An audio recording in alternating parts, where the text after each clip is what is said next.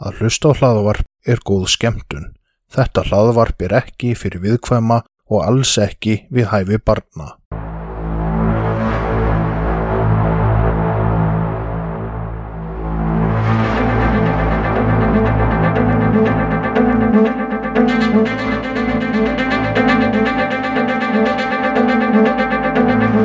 Þetta hlaðvarp er hluti af IK Network.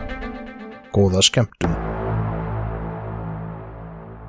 Yngvar Helgason er á Sævarhöfða 2, Sævarhöfða 2, Sævarhöfða 2. Yngvar Helgason er á Sævarhöfða 2 og byð sextag í viku. Er það grínast?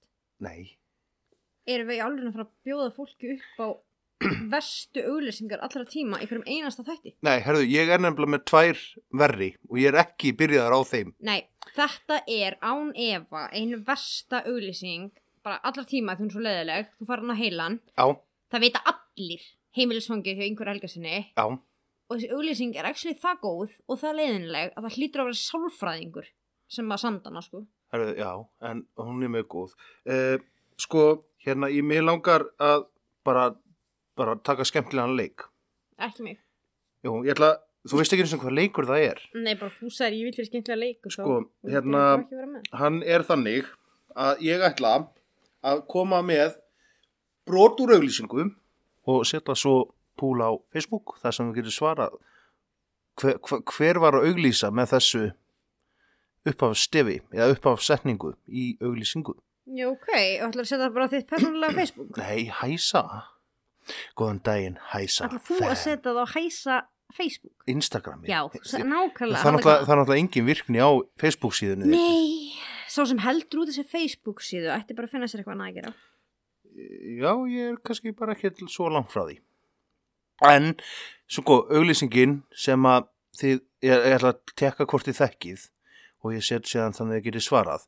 En fyrsta setningin í henni er svona, og þú mátt ekki svara Telma, nema þá á Instagram, en hún er eftirfarandi. Þegar fyrsta gósglasið.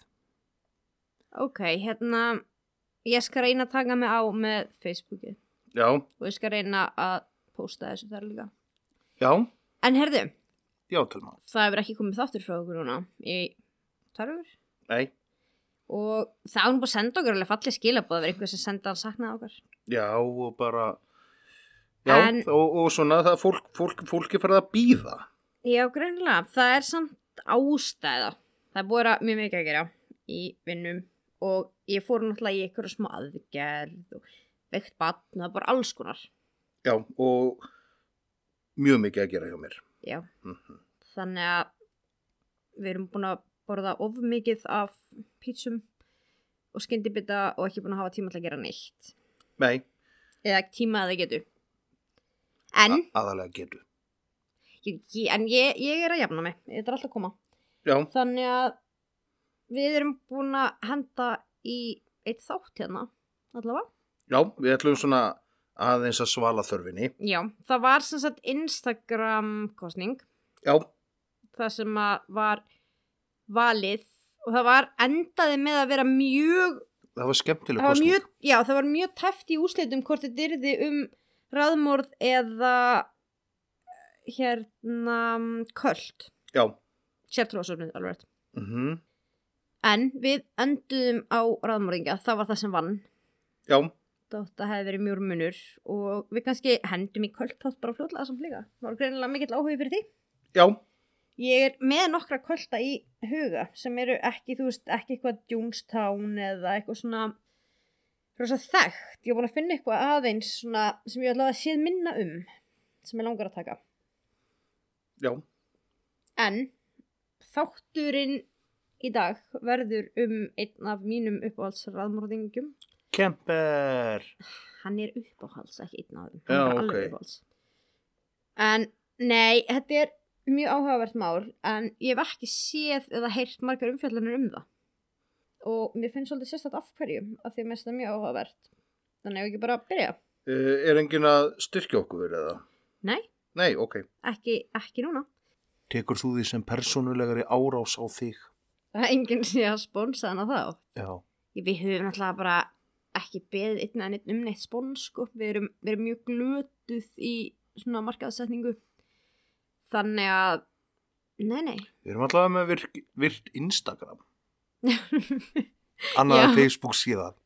Já, nei, það væri alveg gaman ef að hérna, það væri spons á þessa þætti, þá getur maður kannski verið minna að vinna að maður ekki að þætti. En það er pæling, við erum alltaf að fá pósta frá og eitthvað svona suggestions frá hérna Podbean um að vera með svona Patreon síðu, það sem er að donata dólar á mánuði til okkar og eitthvað. Já, Við getum kannski bara sagt það upp ef einhver vill endilega missa dollara á mánuði. já. Nei, herru, já, við getum spáð í þetta. Herru, nú að kæftaði og vindum okkur í vittleysu. Já, herðu, við ætlum að tala um Cosmo Di Nardo. Dinardo. Já. Mm. En hann fættist hann 21. janúar 1997. Táningur. Já, ég var um að hugsa bara, vá, hann er bara bann og svo fatt, en hann er ekki alveg bann, hann er hvað, 24 ár sem hann fættist, já. Og verða 25 Mm. eftir áramót. Eftir vakandi, Já, Já. já, ok, já, já. hvað það gera? Ekki já, neitt. ok, ég held actually að væri bara sopnaður eða eitthvað. Nei, ég get ekki gert neitt eftir að Gústi dó. Nei, já. En já, hann fættist í Ben Salem, Pennsylvania í bandaríkjunum og fóreldrar hans Sandra DiNardo og Antonio DiNardo. Cosmo var skýrður í höfuðið, Talum að. já, Nei, hann er alltaf að segja hérna Cosmo Dinardo. ok, Ok, segja það svona Dinardo. ok. Já. Cosmo var skýrður í höfuðið á föður afa sínum. En hann var elstur fjára sískina og átti framtíðina fyrir sér. Árið 2005 kefti DiNardo, bara svona, Dinardo. DiNardo. Dinardo. Ok. Nei, ég er ekki að fara að gera þetta. Herru, ok, árið 2005 kefti fjölskyldan jörð í Núhóp sem er staðsett í svona cirka 30 km norður af heimilið þeirra en þau búa í útkverfi Ben Salem. Jörðin sem þau keftu var nýtt fyrir fjölskyldufrí og þar stunduðu reyðtúra, fóru á dátýra veiðar, fóru í fjólhjólaferðir og alls konar.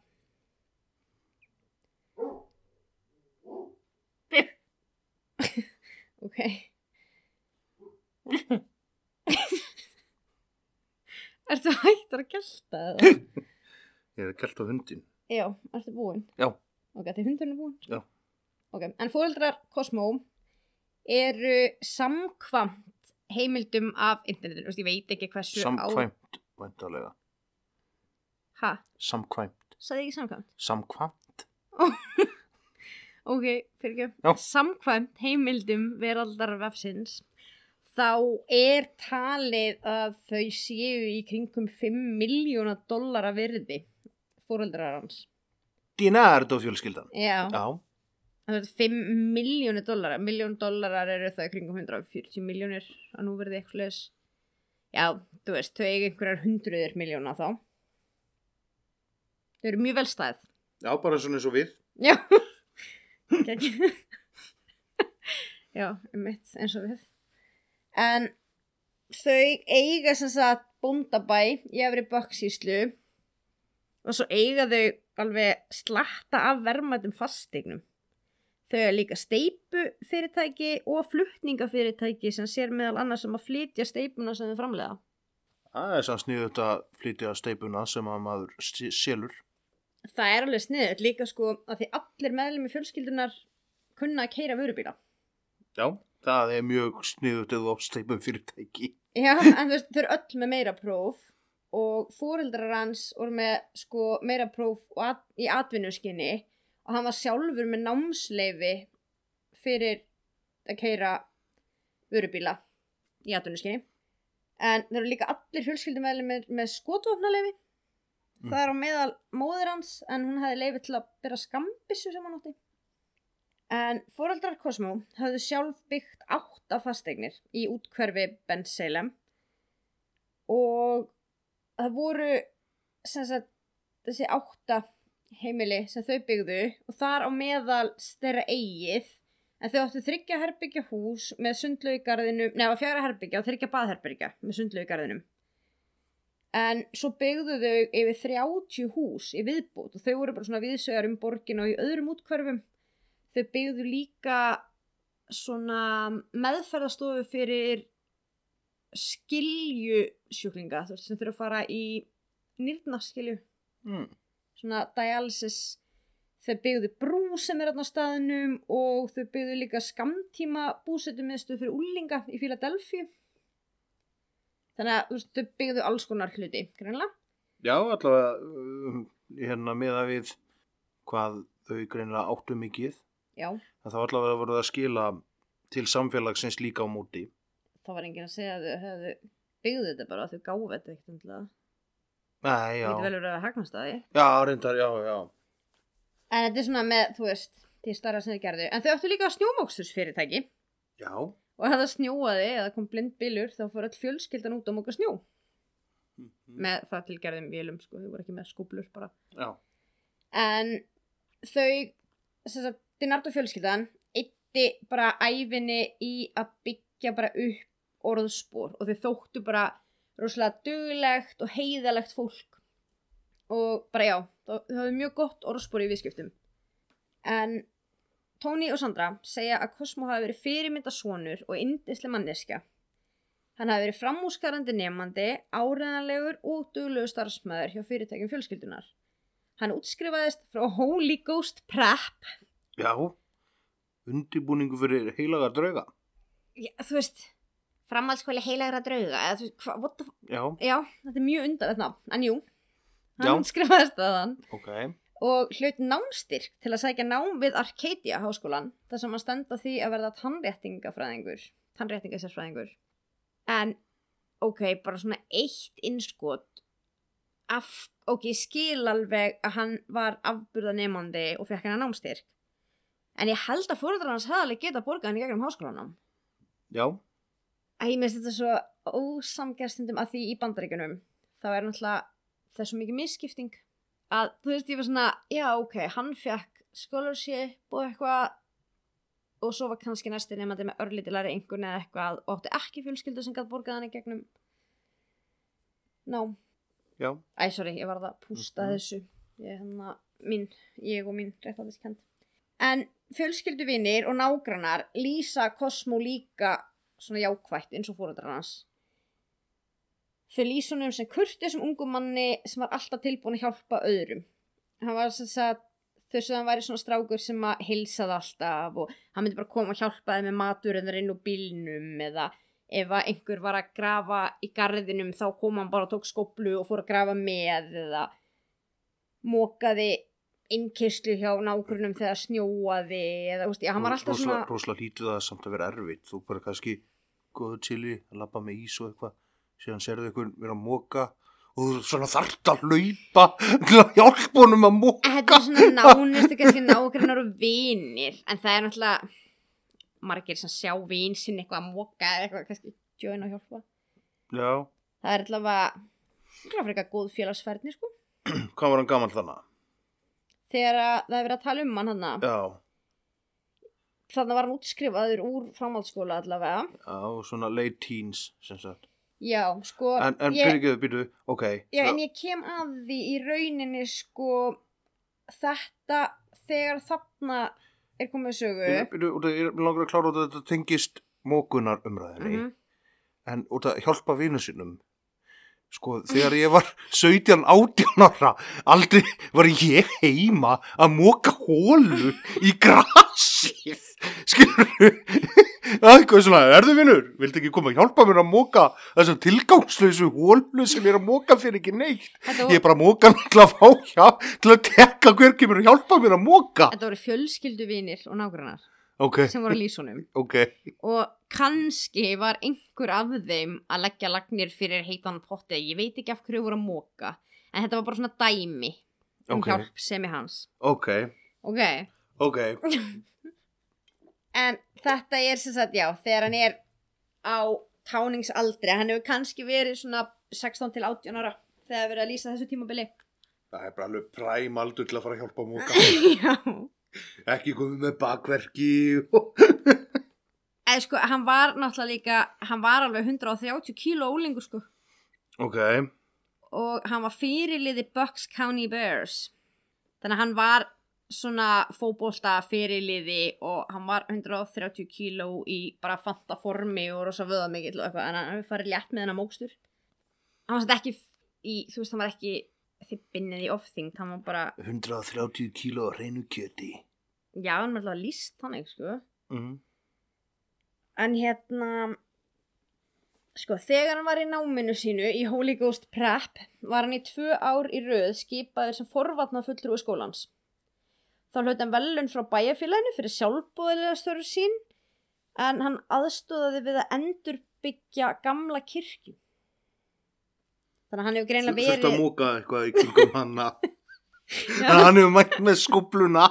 hann múkaði nýttir inn. Já. En sko, samkvæmt söndru móðir Kosmó byrjuðu vandamál Kosmos árið 2015. Þannig að þetta tímabil sem við vorum að tala um er fyrir 2015, þetta er áður en hann er 18 ára. Mm. Þannig að hann er 18 ára gammal þá byrja svona ykkur vandamál hjá honum. Hann hætti með kærustunni sinni, þau hættu saman. Vildi hún ekki hjálpa honum að móka?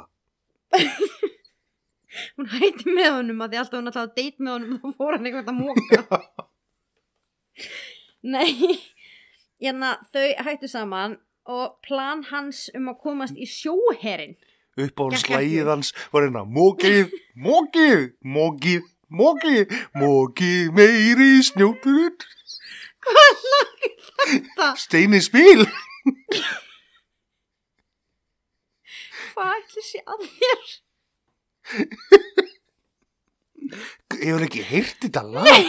Ó, því borga börnin eru alveg ah, Þessi sko líktin af Malbygg er að kæfi ykkur stundum sko er þetta eitthvað sem er mikið spilað á Selfossi eða? Þetta var til á gisladisk heima Nei, Jó, hlustuðu þið á þetta alltaf það snjúaði eða? þetta kemur alltaf þegar snjóar. Mókið meiri snjótur Ok, hérna getum við alltaf áfram? Ég hefði ekki átt að minnast á hana mokstur. Já, mókum okkur í það. En já, planan sem að komast í sjóherin hafði heldur ekki gengið upp á þessum tíma. En ég veit ekki alveg hvernig hann fór frá því. Gata hann þá ekki mókað sjó En nei, hann hafði ekki komist í sjóherin. En líka hvernig komist hann úr því að vera tannreitinga sérfræðingur yfir allir sjóherin? Ég veit ekki alveg hvernig það gerðist. En árið 2016 er hann séðan greindur með alvarlegt þunglindi og hann kláraði aldrei setni önnuna á fyrsta árinu sínu í Arcadia University. Ok En þarna er knaspirnuferli hans líka lógið. Var, var þetta fyrirgeðu Þetta er í bandaríkjunum Já, Er talað um fútból já, Já, þá hann í amerískum fótbolta, ekki fótbolta já, ég veit það. Já, ok Ég, ég, Þessi ég, voru- já. fyrirliði í fótbolta. En já, knaspirna í- er þá ekki rétt árið. Ruðning, já, en það er samt rúbbi. Já, þá er það amerísku fótbolti En rúbbi og amerísku fótbolti er ekki sama. Nei, nei, þá er þetta þeir tala um þá Ok, er er ferli hans í amerískum fótbolta var Mhm. lokið á þessu tímabili sem hann greinist með þunglindi en ferlinum lauk eftir ítregu tilfell af heilarhristingi og eftir hann varð fyrir slæmum hálsmeðslum og þá gæti hann ekki mókað meir. Hættu Hann var ekki að fara að móka, hann var hann þunglindur mannstu, hann leið ekki vel. Já, og já, náttúrulega hálsmiðsli og eitthvað. Já, þannig að hann er Það var svolítið erfitt að móka þegar hann var alltaf með verki Þannig er hann hættur að móka Þannig að þú skalt hætt að tala um að móka ok, Ok, ok. En með vorinu fór vandin bara ágerast hjá honum. En í mæ 2016 lent hann síðan í fjórhjólaslýsi á búgarið fjölskyldunar í Núhóp En hann hlut alvarleg höfumeðsli, beimbrót á báðum fótum, hann festist undir fjórhjóli í nokkra klukkustundir og endaði hann í hjólastól með gifs báðum megin frá tám og alveg upp á mjöðum. Mánuð eftir slísi sagði móðir Dinardo að hann hefði farið að hægða sér undarlega. Hann neitaði til dæmis að borða mat ef að mamma saði eldaðan og sagðist þér að vissum hún var að reyna að eitra fyrir sér. En hann fór einnig að verða árásagjart Læknirinn hann sett hann á sterkan skamt á þunglindislifjum en það var til þess að hann fitnaði mikið. Þannig að Cosmo sem hafði verið mjög fitt, vöðvastaltur í góðu formi, bætti á sig 50 kílóum sem litur til þess að hann varð ennþá þunglindari. Það er ekki gott. Og hann er vantar ekki að fara að gera eitthvað gott af sér fyrst að hann var fyrir heilaskaða. Það stóð aldrei hann með heilaskaða, það stóð alvarleg höfumeðsli. Já, en, en En Við grunar sér að seg- segja það át af því hann hefur orðið fyrir einhverjum heilaskaða og líka út af hegðunabreitingum. jú, það eru hefðunarbreytingarna og það er náttúrulega líka ítrekku tilfelli af heilarhristing áður. Mm Já, náttúrulega hann hefur verið í Amerískum Já, það er vist mjög algengt. já. Og þetta er sem sagt ekkert að fara að lagast þarna. En í júli 2016 fór Sandra með Cosmo, svon sinn, á Abington Memorial sjúkrahúsið og ætlaði að fá hann til að leggja sig sjálfviljugan inn. Á þá ætlaði að deilt. En þau komist þó aldrei á áfangastað þar sem þau fóru að rífast um fassíma og Cosmo beit móðið sína alvarlega í hendina og gaf henni glóðurauga. Cosmo sem enn var á hækjum eftir fjórhjórasleysi stökk út úr bílnum, haltraði út á umfyragötu og reyndi svo að hoppa inn í bíl hjá ókunnur í konu. En hann hjælti þarna fram að það væri verið að reyna rænunum. Hann var að lókum fluttur af lauruglu á spítala. En á þessu tíma var hann líka vissum að móðir hans var í rúsnesku njósnari og það væri hlerunabúnaður í gipsir hans. En í læknaða skýstu frá þessu atviki var skráð aðtöðsend læknis um hugsanleg geð, ja, um geðklofa lík einkenni. En þetta var bara fyrsta skiptið af þremur yfir fimm mánaða tímabil árið 2016 sem Cosmo var lagður inn á sjúkrahús vegna geðrætna veikinda. Cosmo var árásagjarnari og hættilegri eftir því sem tíminn leið en hann hafði meðal annars hent hjólastól í kvenskins starfsmann þegar hann dvaldi á Belmont Behavioral Hospital sem hann dvaldi á í þrjár vikur. Þá kom upp atvik þar sem Cosmo sló hjúkurunafræðing ítrekkað og beita þurfti þvingun til að koma í veg fyrir frekar ofbeldi frá honum. Þannig að þurfti sem sagt að, að beita svona þvingun þannig að hann var í rauninni líklega sko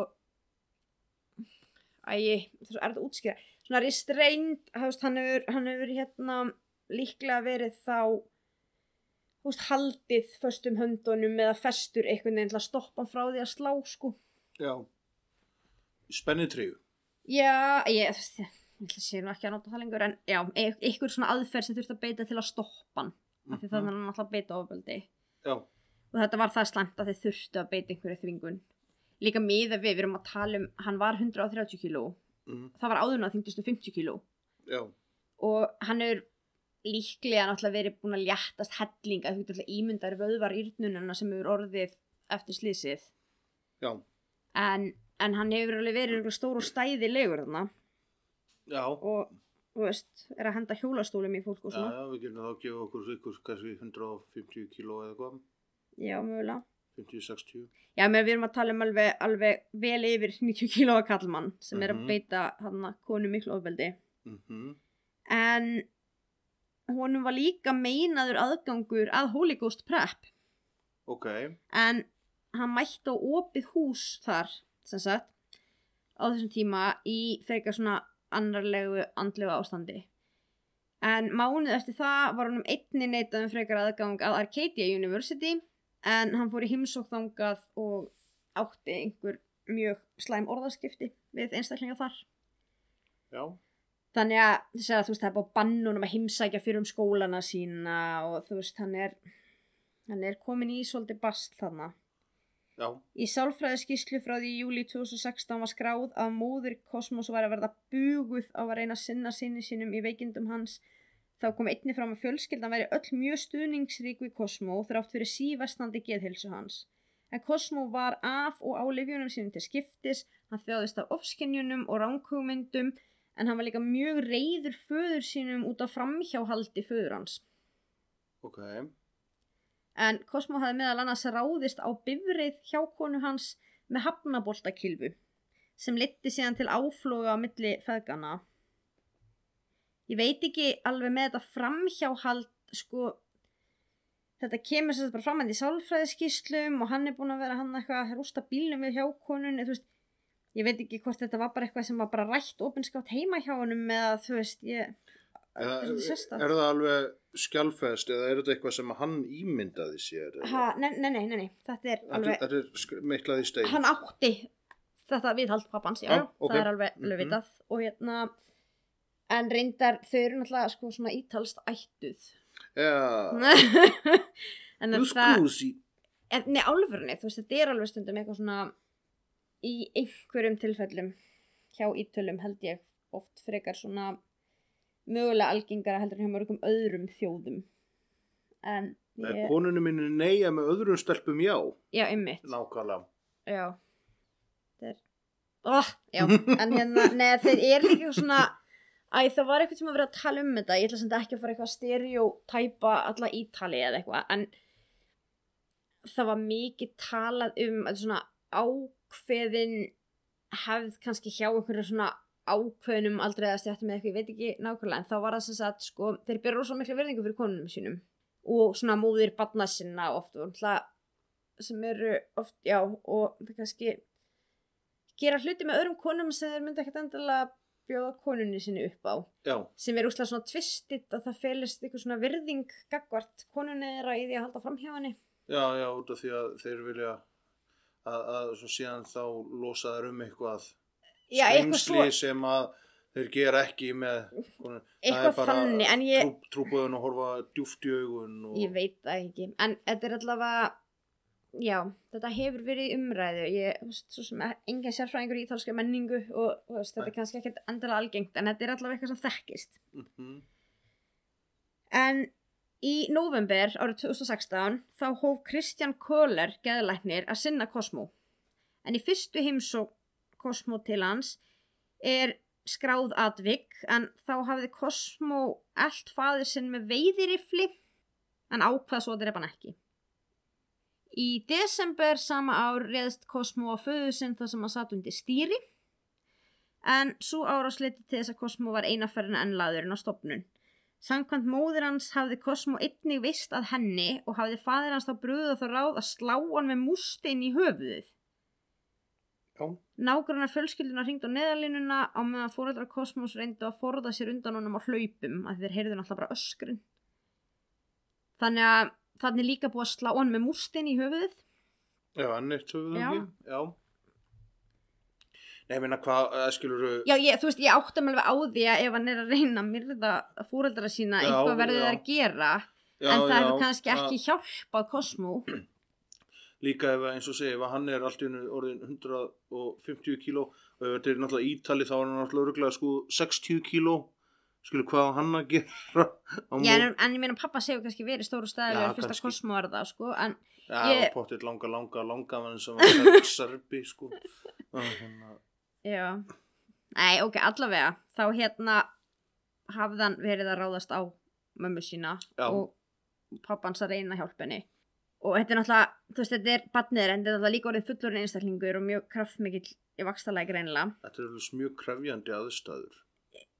Bara, maður getur rétt ímyndað sér sko. En þarna eftir hann var lagður inn aftur í þetta skipti þá var skráð í sjúkraskíslans að hann hefði verið með áætlun og verið búinn að plana að svifta sér lífi. Ok, en einni var skráð að hann hafi verið með ítrekkaðar hugsanir um morð. Ok. Og hann sagði meðal annars ef ég hefði byssu þá hefði ég bara drepið þau öll.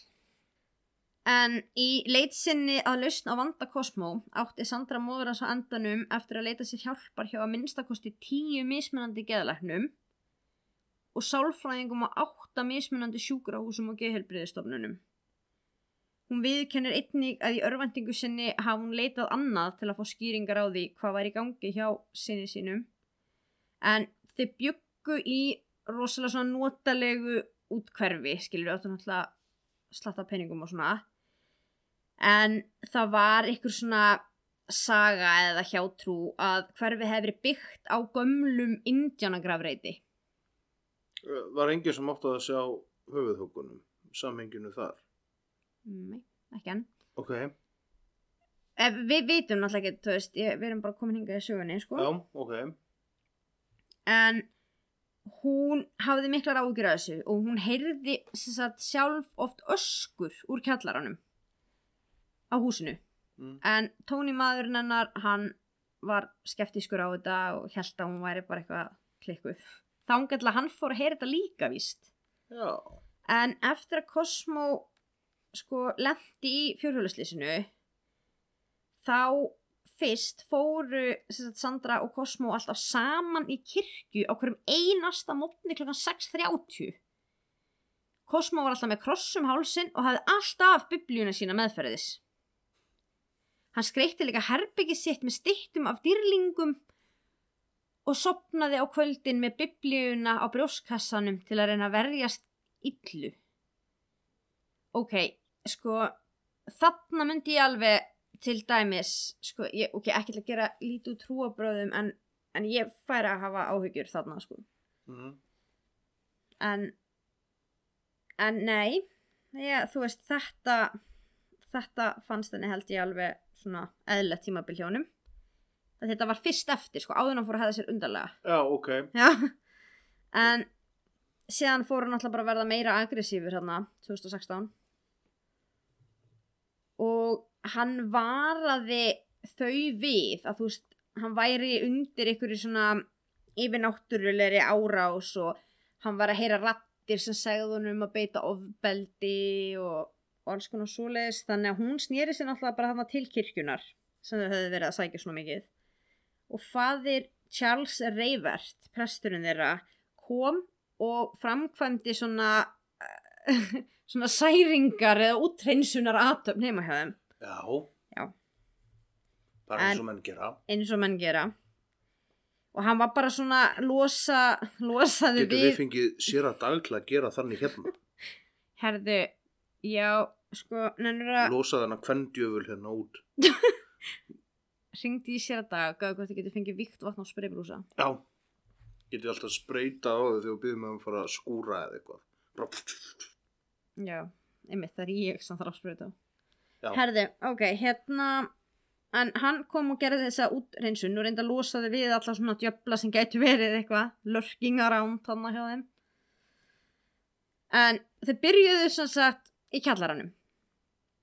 Og þetta ávist að hafa verið bara eins og eitthvað svona atriði úr hérna lélegri hreyfingsmynd en presturinn sagði að hann liði mjög illa nálagt arinnum og hann var svona hann var svona dreifandi einhverju svona, svona ríkjelsi að byðja og, og svona signa og stöll herbyggi og eitthvað. En svo á hann vist að hafa sko lappað upp í söfnherbyggi hjónana og sagt að honum liði mjög illa þar og á svo að hafa hlaupið út og ætt á lóðina. Já. en sko í stuttu símaviðtali við prestinn þá neitaði hann bara að ræða þessa andl eh, þessa andl já, þessa spiritual hreinsun sem hann gerði Mhm. en sko einhver starfn á leiðinni þá var Cosmo sem hafði náttúrulega verið forvarnafulltrúi byrjaður að tala mjög mikið eða bara svo stanslust við vini sína um að selja íturlegu og byssur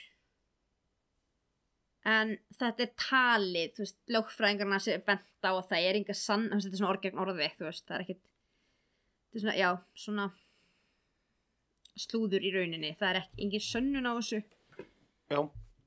en þarna er þú veist, ást, andleg heilsans og bara ástandans er farið að versna alveg stanslust þarna. Og um jólin hann í lók 2016 þá sagði mamma sem hún bara gæti ekki lengur þekktan, þú veist, hann var bara komin á alls konar geðrófslif til að reyna að stjórna hegðuninni. Hann með mikið aukaverkunum og ef hann var ekki ofbeldisfullur eða hegðaði sér undarlega þá var hann með skjálta hann fróðufeldi stundum og þú veist, hann var já, hann var bara ekki líkur sjálfum sér lengur. Annað þeir sem að kannski þekkja með svona gæðrófslif þau hafa náttúrulega oft rosalegar aukaverkanir.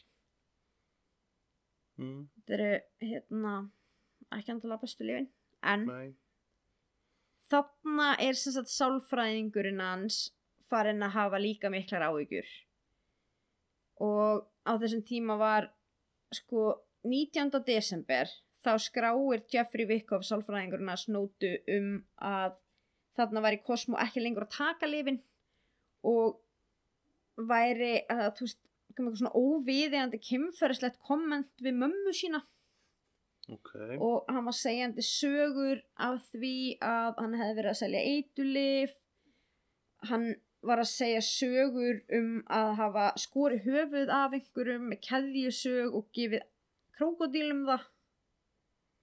En sálfræðingur notaði líka að veist, það væri óvíst hvort að hann sko tríði þessu sjálfur. En hann væri allavega greinlega mjög manískur og með samsagt ránkvömyndir en á sama tíma þá fer mammans með hann til að hitta Köller sem var gæðlæknirinn en í þeirri heimsókn var Cosmo bara að hegða sér mjög undarlega og var bara mjög reyður og erfiður. Hann kildi móðun sína, hann sparkaði í liftuhurð og bara hann hætti ekki að blóta. Hann byrjaði að reyna við síðan hérna starfsmann í móttökunni. Og þú veist, við erum ekki að tala um svona reyna við hann var ekki að flörta við hana heldur hann var að stinga út tungunni og sleikja glerið milli sín og konunar já, þetta er ekki verið mjög svona óþægileg já, upplifun meira svona áreita Já, já. að við já, nákvæmlega. Já, það var svona, hann var ekki að flörta við hana hann var að áreita hana. Mhm, en sko, setna meir þá var kom fram í sem sagt lögsók fjölskyldunar eða móðurinnar gegn geðlækninum að þú veist, hann hefði bara hótað að hendunum út á skrifstofun en hann myndi ekki hegða sér. En þú veist hann greinlega gati ekki hegðað sér. Nei, og þú ert gæðilæknir þá annarkvort þú veist sko, ég held líka persónulega hann hefur kannski bara verið komin fram með þau mörg þarna að geta verið bara okkur stofutímum hjá venjulegum gæðilækni já, þannig að gæðilæknirinn hefði þá náttúrulega líka bara átt að vísunum á veist, annað meðferðarúræði ekki bara, að það er ekki, þá ferði þú út þú veist, mér finnst þetta mjög undarlegt. Já, en sko á þessum tíma þá var hún bara að byggja bara sárbyggja hann líka bara um hjálp. Og var að segja við hann bara ég get ekki tekið hann með mér heim hann áttur að drepa mig. Mhm, og hún neitaði að fara nema hann myndi hjálpa henni og bara þú veist neitaði að taka hann með sér heim en þá í rauninni var eina sem hann gerði var að aðlaga lifin ok. og mammas fór heim og, og náttúrulega bara bað til Rósari að ég veist að þið katholikar beða til dýrlinga Mm, ég veit ekki hvað dýrlingur Rósari er samt. en svo kom jólakraftaverkið við þessa þessa wow. við þessa lifjabreitingu kom hinn gamli Cosmo tilbaka hvort heldur að það hafi verið lífjabreitingi eða Eða já, til. Rósmarí. Ég veit það ekki. Þetta er bæði náttúrulega kröftugt sko. Já, en bænin er sterkari. sko þó að hann væri samt hann að góður í einhver tíma þá var samt alveg svona það voru alveg merki um að það væri ennþá hann væri ennþá árásagjarn og ekkert alveg jafnvægi. Mm og það er, það er bara strax tveim dögum eftir jólin sem hann byrjar að posta á Facebook að hann sé sem sagt svona já, hann sé svona villimaður og það þurfi ekki að útskýra það. Og í janúar bara rétt fyrir sko 20 ammæli sitt þá er hann búist að skrifa á Facebook bara eitthvað birthday sex anyone? Já, spurningamarki ég sko það er eitthvað merkjum svona hömlu leysi og svona ósk eftir ammælis kynlífi á Facebook. Já, daginn eftir auglýsir hann líka eftir einhver bara hver vil fara með mér út og halda á ammæli mitt? Minnst það nú eðlæra sko, minnst svo sem ekkert að því. Nei. Að því að þú veist, þú getur alveg sett á Facebook bara, ég vil einhver koma með mér? Eitthvað, gera eitthvað skemmtilegt í ammæli mm en svo reyndar kemur hver elskar samfarir eins og ég. Já. Þannig að hann er greinilega orðið mjög hömlulegs þannig Mm -hmm. í februar þá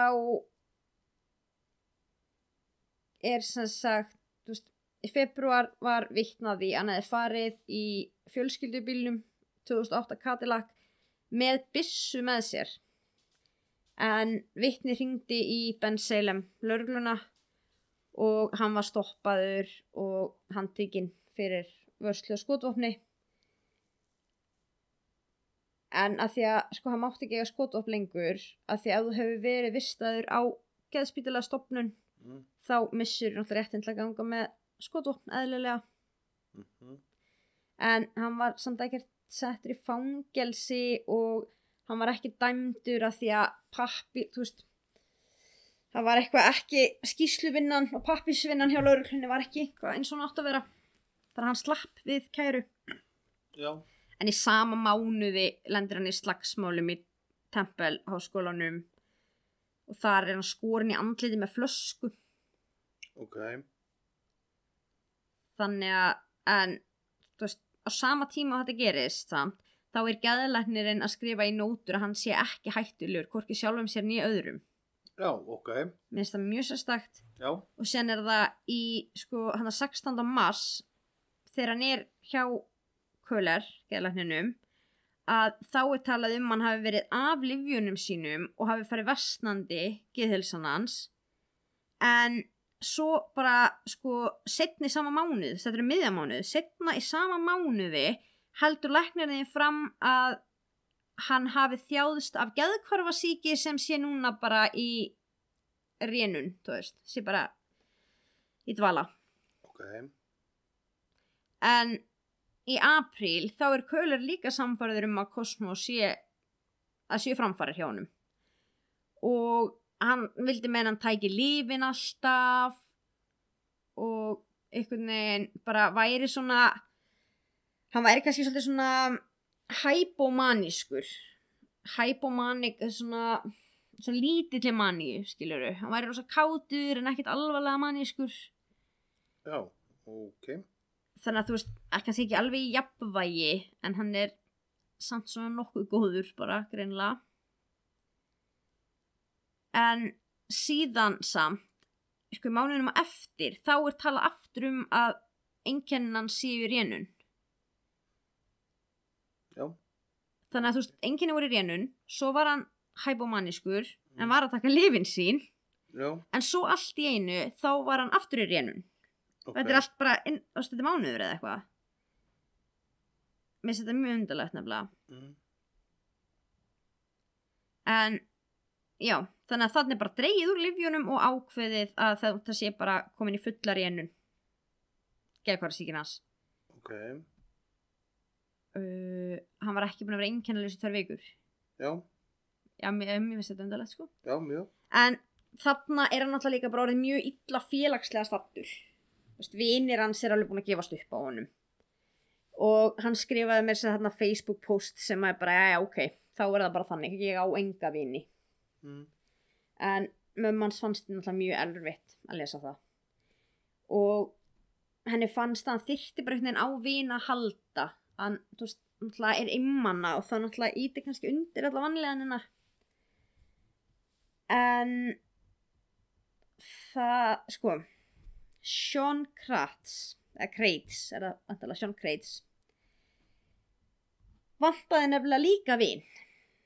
En mamma hans hringdi í Söndru og spurði hvort það væri í lægi ef að Sean, að því Sean var sko frá Northeast Philly en bjó í Ambler að hann fengi að koma og múst, hanga með Cosmo og þeir voru sko sama aldri og þeir voru rauninni frændur Ok.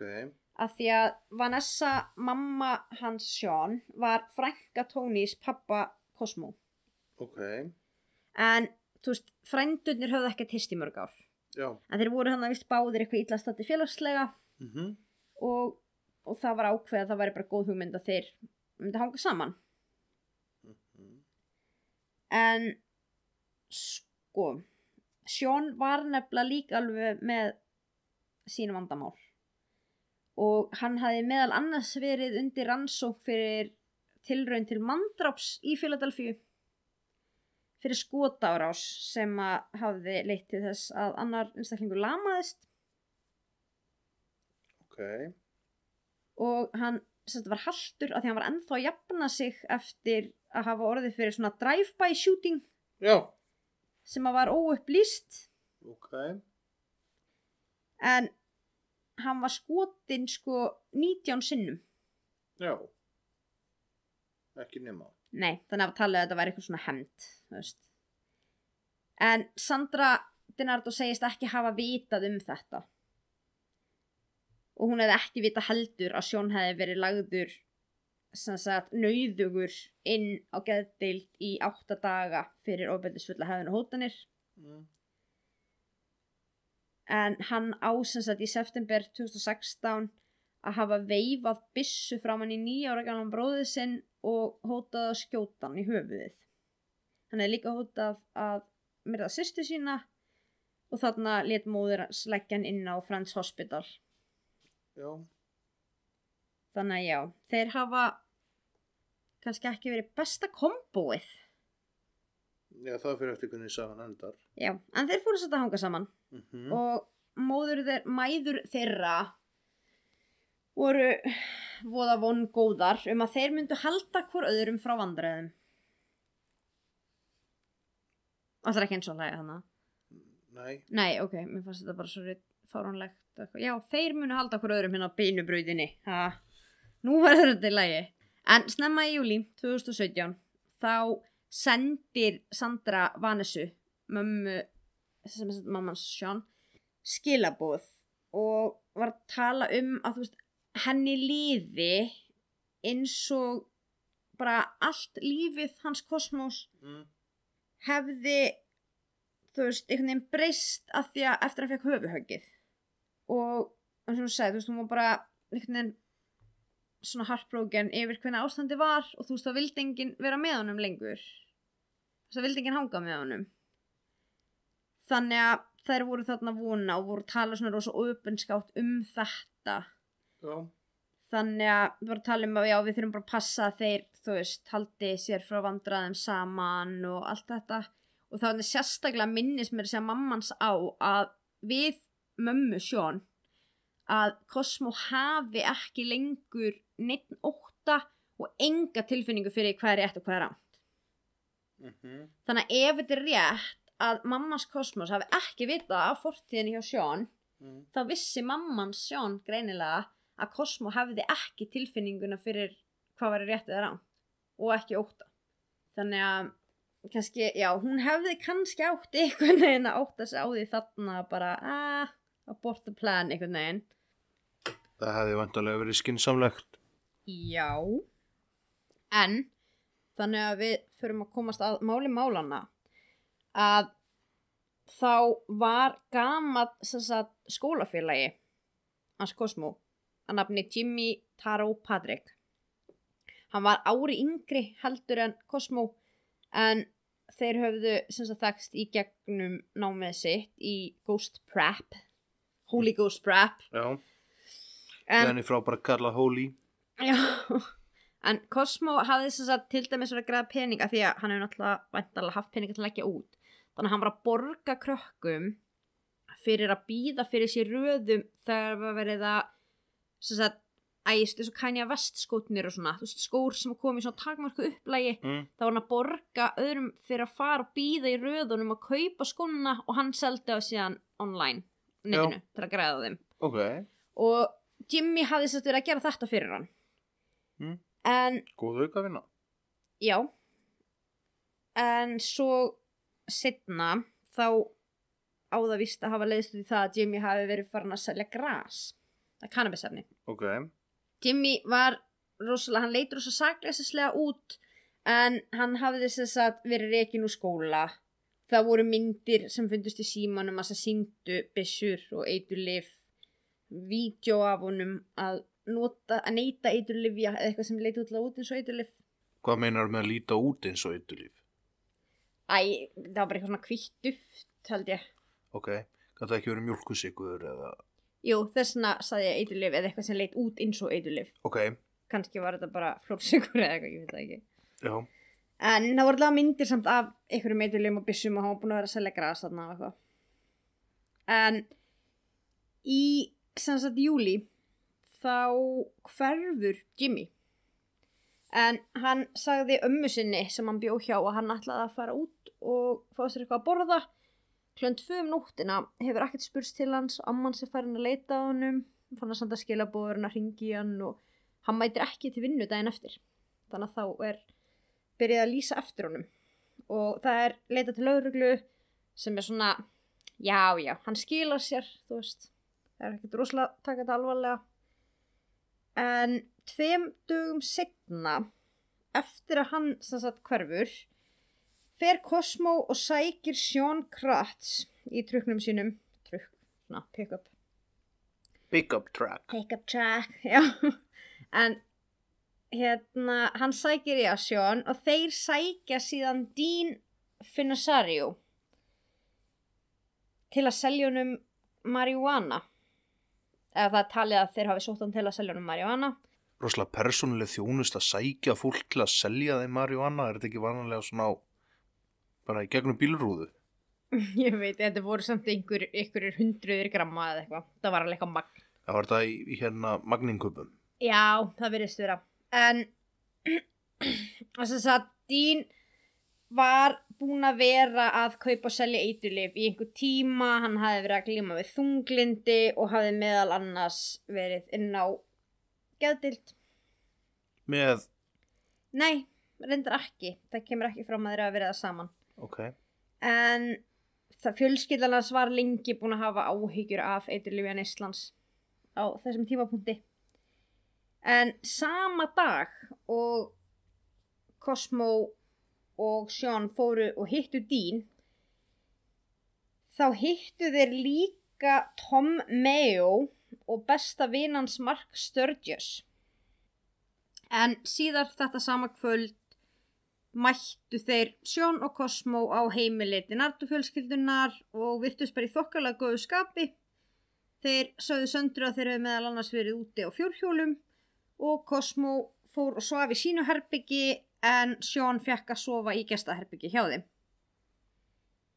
En fljótlega fóru að bera fréttir um fjóra unga menn sem að væru allir týndir í Bucks County og rakning á farsíma Dín Finosirio varð til þess að lauruglan uppgötaði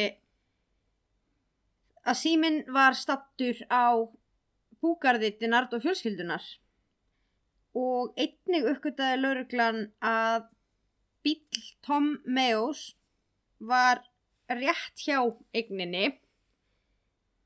En í kjölfarið var hafinn leit þar sem að hundruðu sjálfbóliða lauruglumenn, FBI, fulltrúar, líkfundahundar, þyrlur, ég veit ekki hvað og hvað leituðu sagt á búgarðinum. Þegar fóreldrar Cosmo spurðu ítrekkað hverju lauruglan var að leitað, saði Cosmo að hann hefði bara ekki hugmynd um það.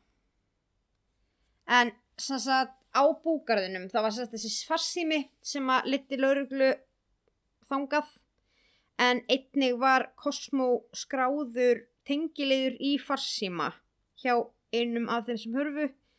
Farsími Díns var rakin á búgarðin.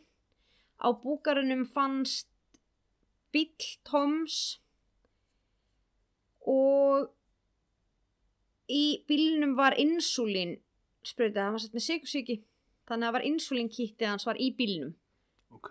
hann hefði aldrei skilið það eftir Nei, ekki var hann yfirgaf bílinn sjálfviljugur. ekki var nefnir alltaf að lifa allavega. Þannig að, en já. Þannig að þetta þótti mjög undarlegt. En það var síðan eftir að Cosmo hafi setið undir langri yfirheyslu að hann viðukendi að hafa orðið Jimmy að bana. En hann sagðist það var myrtan í sjálfsvörn að því að hann hafi séð móta fyrir byssu í bakpókanum hans og hann hefði vitað að Jimmy ætlaði að drepa sig þannig að hann hefði orðið að drepa hann fyrst með 22 kalibra rifli þannig að hann skaut hann tvisursunum í nakkan í sjálfsvörð Ok. Já, sem að er ekki algengt er það í sjálfsvörn. Nei og hann er að verja sig því að hann sá móta fyrir byssunni eða sá í byssuna og áætlaði að Jimmy ætlaði að drepa hann Mm þannig að nei, ég held að þetta sé ekki gild útskýring á sjálfsvörð sko Nei.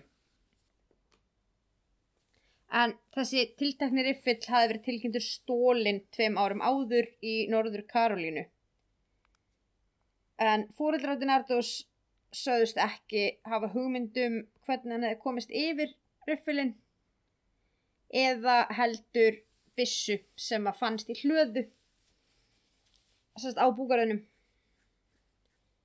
En Cosmo sagði einnig lögreglunni að Sean hefði skotið Dean sem sagt fórnarlamb, setna fórnarlambið sem að hvarf þessi sem að hafði sönum eiturlifja og fjölskyldan sá ágjör eiturlifja nokkur hans mástu. Mm En já, hann sagði þess að Sean hefði skotið hann nokkru sinnum aftan í hnakkan með skambissu sem Sandra móðurast Kosmos átti.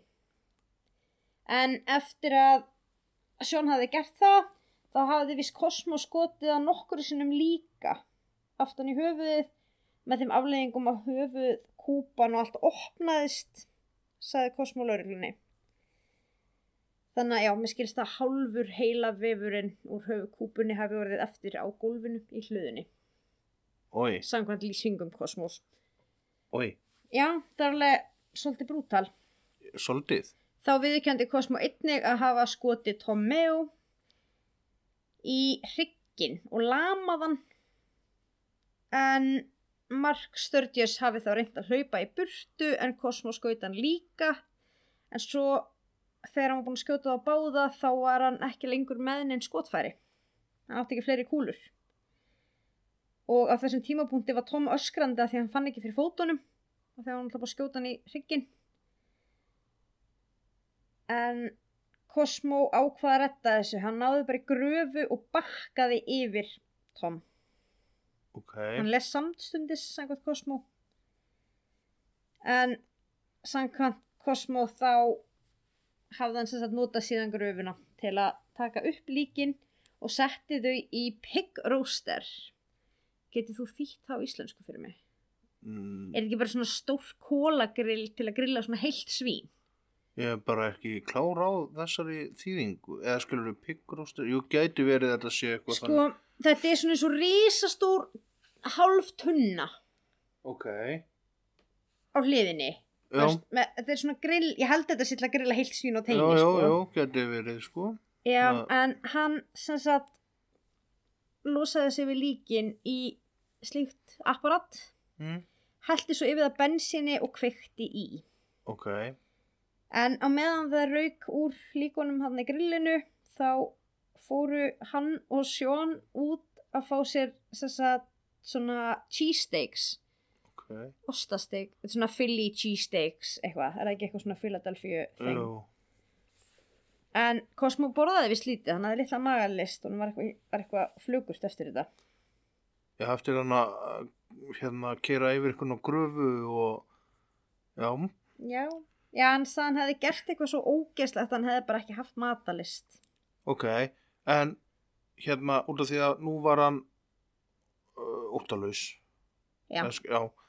Uh, er það þá ekki að finna fyrir samt að þú gerir eitthvað rámt og vera óglatt yfir því? Hún fannst það ógeðslegt sem að geði. Ég veit ekki hvort hún fannst það rán. Já. Ok, eða bara eitthvað svona ógeð að sjá höfukúpuna Geta alveg verið, sko. Ég veit ekki alveg. En hann náttúrulega, það kom einhverstað fram, sá ég, sem ég ætla að koma inn á sittna. Hann var með framheilaskaða. Mm. Hann var með staðfesta blæðingu í framheila, í ennisblæðinu. Og ennisblæði er sá partur, það er personuleikin og það er hegðuna bremsan. Þú veist, í hver sinn sem verður ógeðsla brjálaður og langar bara að sparka í vegga eða eitthvað. Mm. Þá kannski gerur það ekki að því þú nota framheilan og bara svona stoppar þig af. það er sama og Texas Tower hérna var með er það ekki en nema hann var með ægsli Nei, það var Í- svolítið flóknara. Hann var með æxli sem að pressaði á möndluna já, og það er mandlan sem einmitt stýrir þessu já og svo er það er svona svona feedback lúpa á milli í rauninni framheilans og möndlunar þar sem að mandlan sendir bóð og framheilin þá til dæmis dempar nýður óttabóðin og Mm. annað en þetta verðist að verið svipa því að hann hann verðist að verið sko eitthvað rugg líka sem er óttabóð af því mamma sagði að hann fyndi ekki fyrir ótta Mhm. en hann samt var vissum að hérna Jimmy ætlaði að drepa hann og varða að drepa hann fyrst veist, þannig að ég veit ekki alveg, en það er náttúrulega líka personuleikin sko, er í framheilanum. Þetta er mjög flókið, ég veit ekki meira en að það var staðfest heilablaðing í framheila. Að því að það sem við höfðum í hinum þættinum með hérna hvað heitir hann aftur? Vá, það stólu úr mér hvað hann heitir. Já uh, Texas Tower ég, Vá. já, já, já. ok, hérna Það, þátt, það er þáttu nummer 2 eða 3 þannig að þú getur hlustandi góður er ég er búin að hlusta á hann við lært allt um heilan. Þar höfðum við náttúrulega krupningaskíslur já, og hérna er þessi einhverjar já, við höfðum miklu meira þar. Ég veit ekki annað en það sást blæðing í framheila blæði hefunum sem útskýrir svo sem margt sko. En svo er þetta líka flóknara af því að það þarf ekki endilega að blæða inn á það sem mandlan er, það getur blætt inn á taugar sem tengjast yfir í möndluna og annað sko. Það er til eitthvað sem heitir fjarskaði líka í heila ok. Þá færðu skada á einhverju svæði sem að veldur einkennum á öðrum svæðum. Sem er svolítið líka bara eins og að þú kippir sundur ljóslegarunum okkar út á bílaplani þá hefur það alveg áhrif á okkur inn í íbúðinni þó það sé ekki gert hérna já, þannig að já, það er svona basically fjarskaði. Ok en var eitthvað sannað út að þú varst að fara yfir hans frásögn á hvað gerðist? Mm -hmm. e, náðu lögreglun að sanna það sem að hans frásögn væri rétt?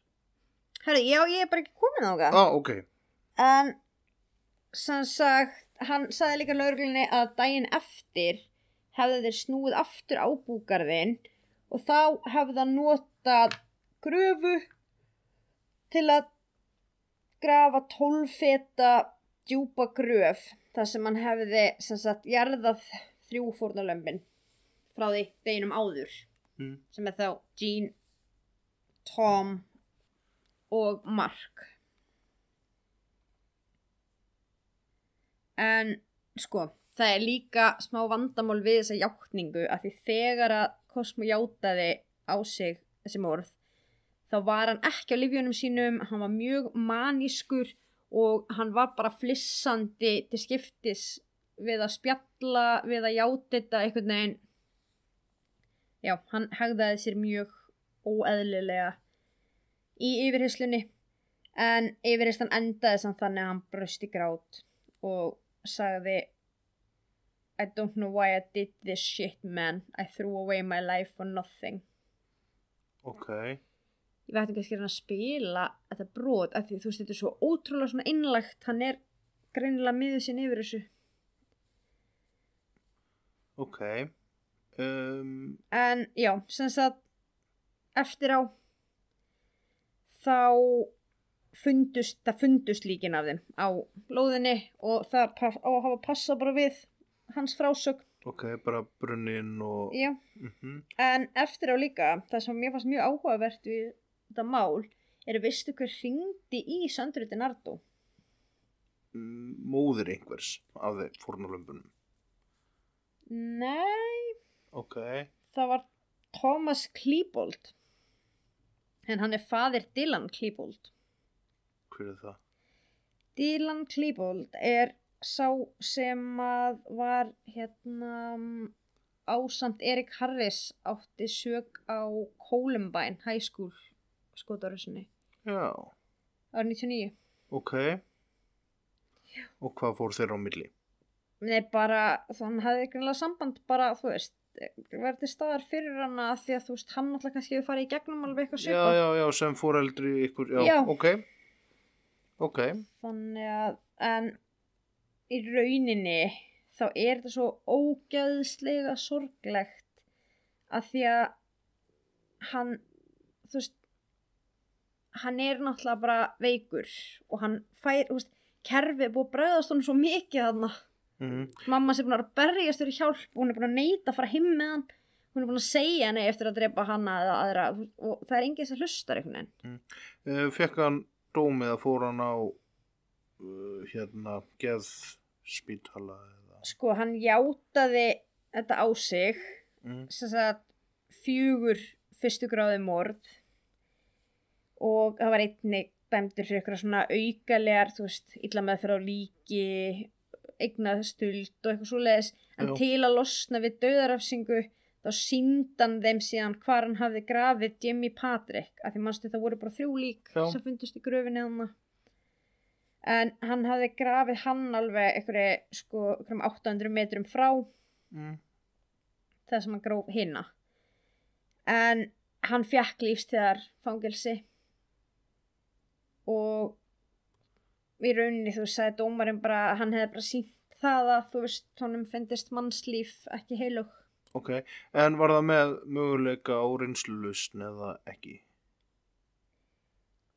Það held ég nefnilega virkulega ekki af því að í dag sko hann var dæmdur í fjara fjórfalt lífstíðarfangelsi í júli morðin átti sér staðanlega júli 2017 og akkurat núna situr hann bara inni í State Correctional Institute in Huntington sem er bara eitt svona eitt mest svona brútal öryggisfangelsi. Ok, en hann var fluttu þangað frá SCI Retreat in Lusarna County í janúar 2020 þannig að hann er bara með fjórfaldan lífstíðadóm í max security fangelsi sko. ok, þetta er einhverjum sem er með heilaskaða. Ok. Þannig að ef við vindum okkur í hvað ætli sé að? Hann er heilabilaður. Já, basically, þú veist, hann, hann er alveg jafn heilabilaður og einhver sem er með hrörnunarsjúkdóm þú veist, alli, alli sjúkdóm í heil veist, hann er með skemmtir í heilanum og hann er í max veist, ég, ég var svo reið að þetta hefði ekki þurft að gerast mm ef hann hefði fengið hjálp. Er, hvernig er hægt að lækna þetta? Það er rosalega erfitt. Ef það er hægt. Sko, þeir sem eru með heilaskaða eru með heilaskaða, þú getur rauninni ekki lækna heilaskaða í ákveðnum tilfellum að því heilinu með það sem heitir eh, plasticity. Það hefur verið þýtt sem vá, byrju hvað er plasticity á íslensku sveigjanleiki heilans eða svona, við höfum færni til að sko heilin getur tengt fram hjá svæðum. Ok, heilin getur tengt fram hjá skemmt og það er til alveg dæmi þar sem að einstaklingu sem færi heilablóðfall og missir getur náttúrulega að nota hægri hendina fyrir þjálfun eins og tögasálfræðingum það kannski settur hanski á vinstra hendina og hann er þvingaður til að þurfa að nota hægri á endanum kemur oft viss geta tilbaka. Þetta er rosalega erfið endurhæfing og kannski ekki endilega virki alltaf kemur ekki alltaf fullvirkni tilbaka. En það er hægt að því heilin tengir aðeins framhjá og getur aðeins hagrætt. Af því það var alltaf talið að væri engin nýmyndun í taugafrum í heila. Og það er ekkert alveg rétt. Það er ákveðin nýmyndun og við myndum nýjar tengingar og svoleiðis þó við séum alveg fullorinn en með þetta, ég veit ekki hvort það er eitthvað að gera í svona alvarlegu tilfelli en hann hefði samt átt að fá hjálp. Hann hefði átt að vera á stopnun Eh, það er hægt að meðhandla árásagirni og skapköst og alls konar með livjum og það hlýtur að gagnast að einhverju leiti í heilaskaða alveg eins og geðsjúkdómum. Er það þessi nýmyndun er þetta líka eins og einstaklingu sem að lamast Nei. Að ekki svona eins og með að finna öðruvísi merki á líkamannum eins og með uh, Jú, að þurfa að fara á klósett og svoleiðis. Jú, það getur til dæmis verið að heilin tengi framhjá eins og til dæmis um, það er þekkt dæmi um einstaklingar sem að mist putta. Mm. þeir hafa stundum getað að þeim klæjar í sagt, útlimi á hendinni sem eru farnir að þeir klóra sér í andlitinu. Og það klóraði puttan af því að á skinn reyfu og skinnberkinum í heilanum þá er tilfinningasvæði fyrir andlitið við hliðin á hendinni. Ok, þannig að verist í einhverju tilfellum sem að viðkomandi Mm. hefur til þess mist framan að putta að það tengist yfir á andlitið og þá getur hann klóra sér í andlitinu. Ok, að það verði, já, þessi, Mm. þessi svona framhjá tenging um, ég veit ekki alveg hvernig það er með mænuna að því núna er svolítið flóknar sem heitir mænu viðbragð mænubói, þá ertu með sko eins og þegar að þú brennir þig á eldavél að þú er kannski búin að kippa hendinni að þér áður en að heilin fattar bara hei bremdi mig mm. af því það er, það er mænan sem gefur bóðum það þannig ég veit ekki alveg hvernig það er mænuskaða en ég veit að þetta er þannig að fólk fær aðrar tilfinningar og fólk hefur fengið mér að segja alls konar svona nöytn út úr bara hlutum eins og eyrnasneplu með einhverjum Mm. öðrum svæðum. Fólk sem er kannski lama fyrir neðan háls. Já, nákvæmlega. Hérna, þannig að er það þá bara heilin að tengja svona framhjá? Já ég held það ok, það bara finnur ykkur að leið. Já. það er rosa áhugavert líka það er dæmis myndband á YouTube. Girl with a half a brain. Mm. hún lifið með hálfan heila. Ok. Af því að hafa tekin hálfur heilin þá var bann og hún lifir eðlulegu lífi. Já, svona nokkuð. Þannig að en uh, hann er sem sagt þessi ungi maður, hann er sem sagt bara dæmi um raðmóringja sem að kerfið í raun og veru það, það brást honum. Já hann er eiginlega ekki eins og raðmór sko það er svo stutt á milli þarna. Mm. ég veit ekki eins og hvort þetta telst raðmór það er bara hreinlega fjöldamorð en hann ég, hann er svona ekki raðmórðingi hann, hann er bara heilabilaður einstaklingur. Hann hefur enga höfðunabramsu hann hefur enga stjórn á sér og hann fekk enga hjálp. Já, veist, oft er svona eins og til dæmis bara Ted Bundy. Mm. Það er svolítið mikill munur þarna að vera með einhverja útpældar áallanir og annað. Ted Bundy var mjög klári menn hann strauk til dæmis úr haldi og allt þetta. En já, ég vil meina að þetta sé bara dæmi um hvernig allt kerfið brástunum hann er fættu 97 hann er 24 já, núna. Já. Og hann er bara það sem eftir er æfinar í hámars örgisfangels í bandaríkjanum já, það eru en, enga megin viðunandi aðstæður fyrir hans ástand. Nei líka út af því að það var verið að reyna að fá hjálp fyrir hann. Já, mammans það er ekki eins og mamma safi bara sittið ykkur staðar og til? Æ, hvað er, æ, Fór- þetta er eitthvað tímabil í líf hans sem er svona. nei og hann, hann var með alveg það var skráð í sjúkraskrá. Mást ég var að lesa hann Mhm. á sjúkraskránum. Það er búið skrá hvað hann þurfti hjálp og koma maður að byggja um hjálp fyrir hann. Það er skráð allir þessi atvik. Hann reynda að myrða pappa sinn og reyðist á mömmu sína og allt þetta. Já, það er skráð líka þú veist, hann var með staðfesta heila blæðingi framheila.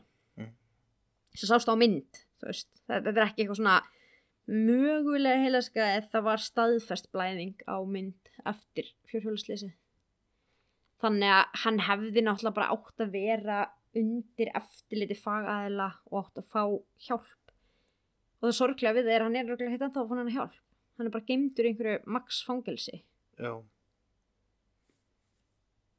þannig að já, Þetta er, þetta er mjög, mjög sorglegt. þetta, þetta er ömurlegt Já, vissulega. en mér finnst rosalega merkilegt hvað þetta máli hefur fengið litla umfjöllun Já, ég hef bara nánast hvergi hýrt um þetta mál nei, þannig að já, þess að langaði með að töðum það ok. Um, ætlum við að fara í frétta og herðu, já, þú slum farið frétt og stúdíostofa. Nú verða sagða fréttir.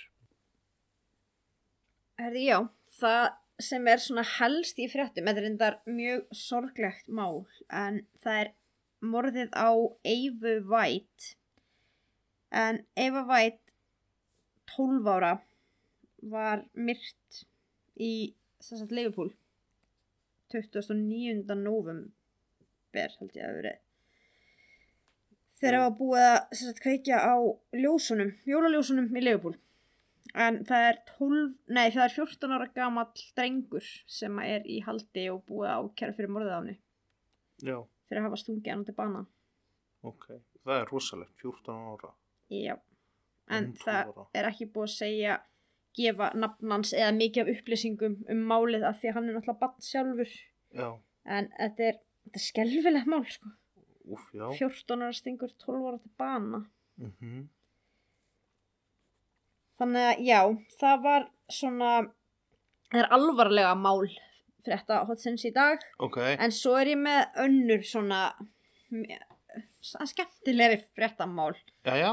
já en frönskum lauruglumönnum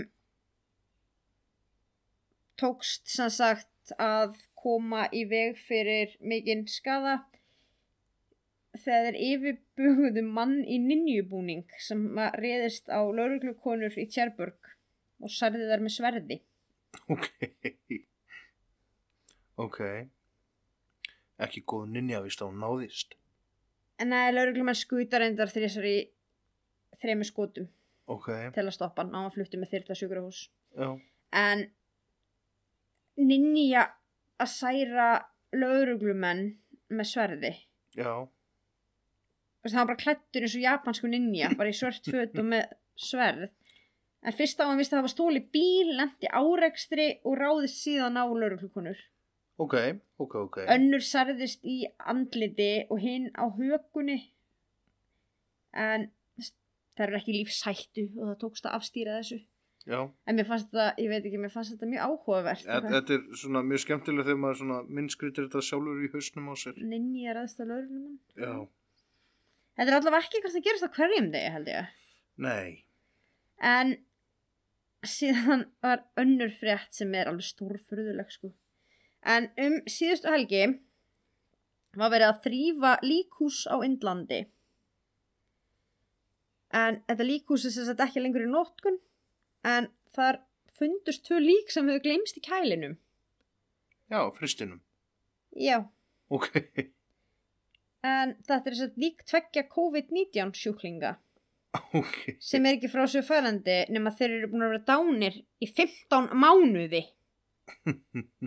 Þeir dóu fyrir næstu einu hálfu ári glimtust í kælum á líkúsi sem var hægt að nota. Þú veist, við erum að tala um að sko, þetta fólk dó í fyrstu bylgu COVID í júli 2020. Ok, Já. Og veistu hvað er að versta við þetta? hvað? Sko það var hringt frá sjúkrahúsinu um síðustu helgi en það voru restitæknar sem að fundu líkin og líkúsi var búið að loka síðan í desember á síðasta ári sko. Já, en það var veist ógeðslega lykt þarna. Ekki nóg með það. Heldur voru ættingarnir fengnir til að bera kennsla á líkin. Bara sæll, herðu, hérna þú er ættingar sem dóða þarna fyrir einu og hálf ári hann glemdist í skáp getur þú koma og kíkt aðeins á hann Alveg búið að bara kannast á- ekki við svipin á þessum þú veist, Sérðu kjálkabeinið? hvað ert að fara að horfa á skiluru og í bara Úi, bara. og líka ef að lyktin hefur verið svona slæm þá er eitthvað sem segir mér kannski að það er eitthvað verið að spara rafmagn á þessum kælum fyrst það var ekki verið að nota það lengur Já, það ekki búið, var það ekki bara búið að slökka á þeim? jú ég, jú, ég var að fara svona pent í það Já, já. Já, en nei, ættingarnir sögðu samt að þetta hefði verið erfitt og þetta hefði verið mikið áfall. En sko, þeir eru beðinir um að bera kennsl á líkin einu og halva árinast í eftir að þeim hafi verið tilkynnt um að viðkomandi verið látin. Já, Hafð, hafði enginn spurst fyrir um þetta fólk. Bara, já, herðu, hann, hann, hérna, svo veist, Jói frændiðna dóur COVID, þeir hljóta bara að ringja þegar við megum jarðan eða þú veist hvað, var enginn sem var bara eitthvað svona, hei, getum við fengið að jarða hennan mér einstakling? finnst það eiginlega sorglegast, sko. Að, Já, en ætla að hafa eitthvað verið eitthvað regla um að þau færu öll í brennslu bara eða eitthvað svona út af sóttvörnum eða ég veit já, ekki getur hverju reglu voru. síðan hafi bara allt í svona einu potti og síðan bara mókað ösku í mörg Já, þetta er líka- ílát og bara útdeilt eða Nei, eitt fyrir þig, annað fyrir þig. Já, við erum að móka það er bara svona við erum að fjölda móka hjálpa til við að móka hættu. Anskutin sko. Nei, ég trúi því ekki en ég var spá, ég veit náttúrulega ekki hvernig það fer fram í Indlandi en þetta var allavega nógu nánir ættingar að þeir gátu actually búið kennsl á fólkið sem var búið að vera hann í póka eitt og hálft ár. Já, en já. Uh, kannski ekki jú, þetta er samt bara eitthvað svona þetta ætti að vera saknæmt gáleysi að gleyma bara einhverjum já, er þetta ekki hérna ill meðferð á líki. Jú, þetta hlýtur að flokkast undir það. Já, þið haldið það.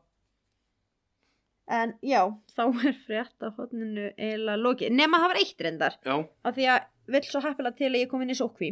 já, Og ég er búin að vera svolítið að fylgast með réttarhöldunum ef ekki Elaine Maxwell sem að byrjuði í síðustu viku. Og það er mjög mikið reyndar að falsfréttum.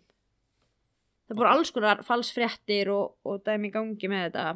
En ég var svona að pæli hvort maður ætti að reyna að sapna svona því helsta í fréttahotn næsta þáttar. já, En ég veit ekki alveg hvort að fólk hefur áhuga á því eða hvort maður gera bara sér þátt bara um allt sem er að frétta úr réttarhöldunum. Mm. Ég veit það ekki, kannski spurning að fólk senda okkur bara eitthvað posti ef það hefur áhuga á ykkur svona Ghislaine Maxwell réttarhalda yfirferð. já, Það ekki? jú, Annars er ég kannski ekki að því. já. Það ljóma bara mjög vel. Það ekki? Jú. Herri, þá bara takk fyrir okkur. Uh, munið að fara inn á Instagram og kjósa um hver auglýsingin er og ef varst búin að gleyma því þá byrjar það á þegar fyrsta gósglasið þetta sko. Mannstu eftir henni Já. ok, ég er svo spenntur Ég gati þetta strax, sko. Nei. Svaraði þessu, víst, ég svaraði þessu strax. ó, ok en það er bara út að ég er búin að syngja það fyrir þig svo oft þú myndir ekki þegar ég söng það fyrst fyrir þig Jú, er, ertu heilabilaður? Þú sagðir, hvaða auglýsing er þetta? Og ég held áfram, ég kláraði hana. já, ó, ok, Já. ok uh, já follow Þannig að ég hef mikla trú að því að þetta sé ekki eins erfitt og heldur. Ok, hérna þið megið alveg kíkja á okkur á Instagram þar sem við setjum ykkur upplýsingar um og myndir um, um málinn sem við tölum um. Mm uh, þið megið subscribe okkur á uh, hlaðavarsveitum sem þið hlustið á okkur á. Uh, svo getið fyllt líka Mumford. Herra Mumford. Já, her, herðu, það er líka komið sko, Herra Mumford er komin á TikTok. En það er ekki á mínum vegum. Já, Það er, er ekki, ekki ég sem er. er það, bet, er það betri helmingurinn? Það er batnið. Já, ok Batnið er með eitthvað TikTok fyrir Mumford. Ég, ég, er ekki, ég er ekki með TikTok sko, ég er ekki búin að sjá þetta. Nei, nei En já, þannig að Mumford er að vera komin á alla samfélagsmiðla bara. Já, Hann er ekki á Facebook. Nei. En ef þá svo er þetta gott í bíli, frú minn góð? Já. Ok, þánga til einhver tíman. Takk fyrir ofur, bye. Yngvar Helgason er á sæl.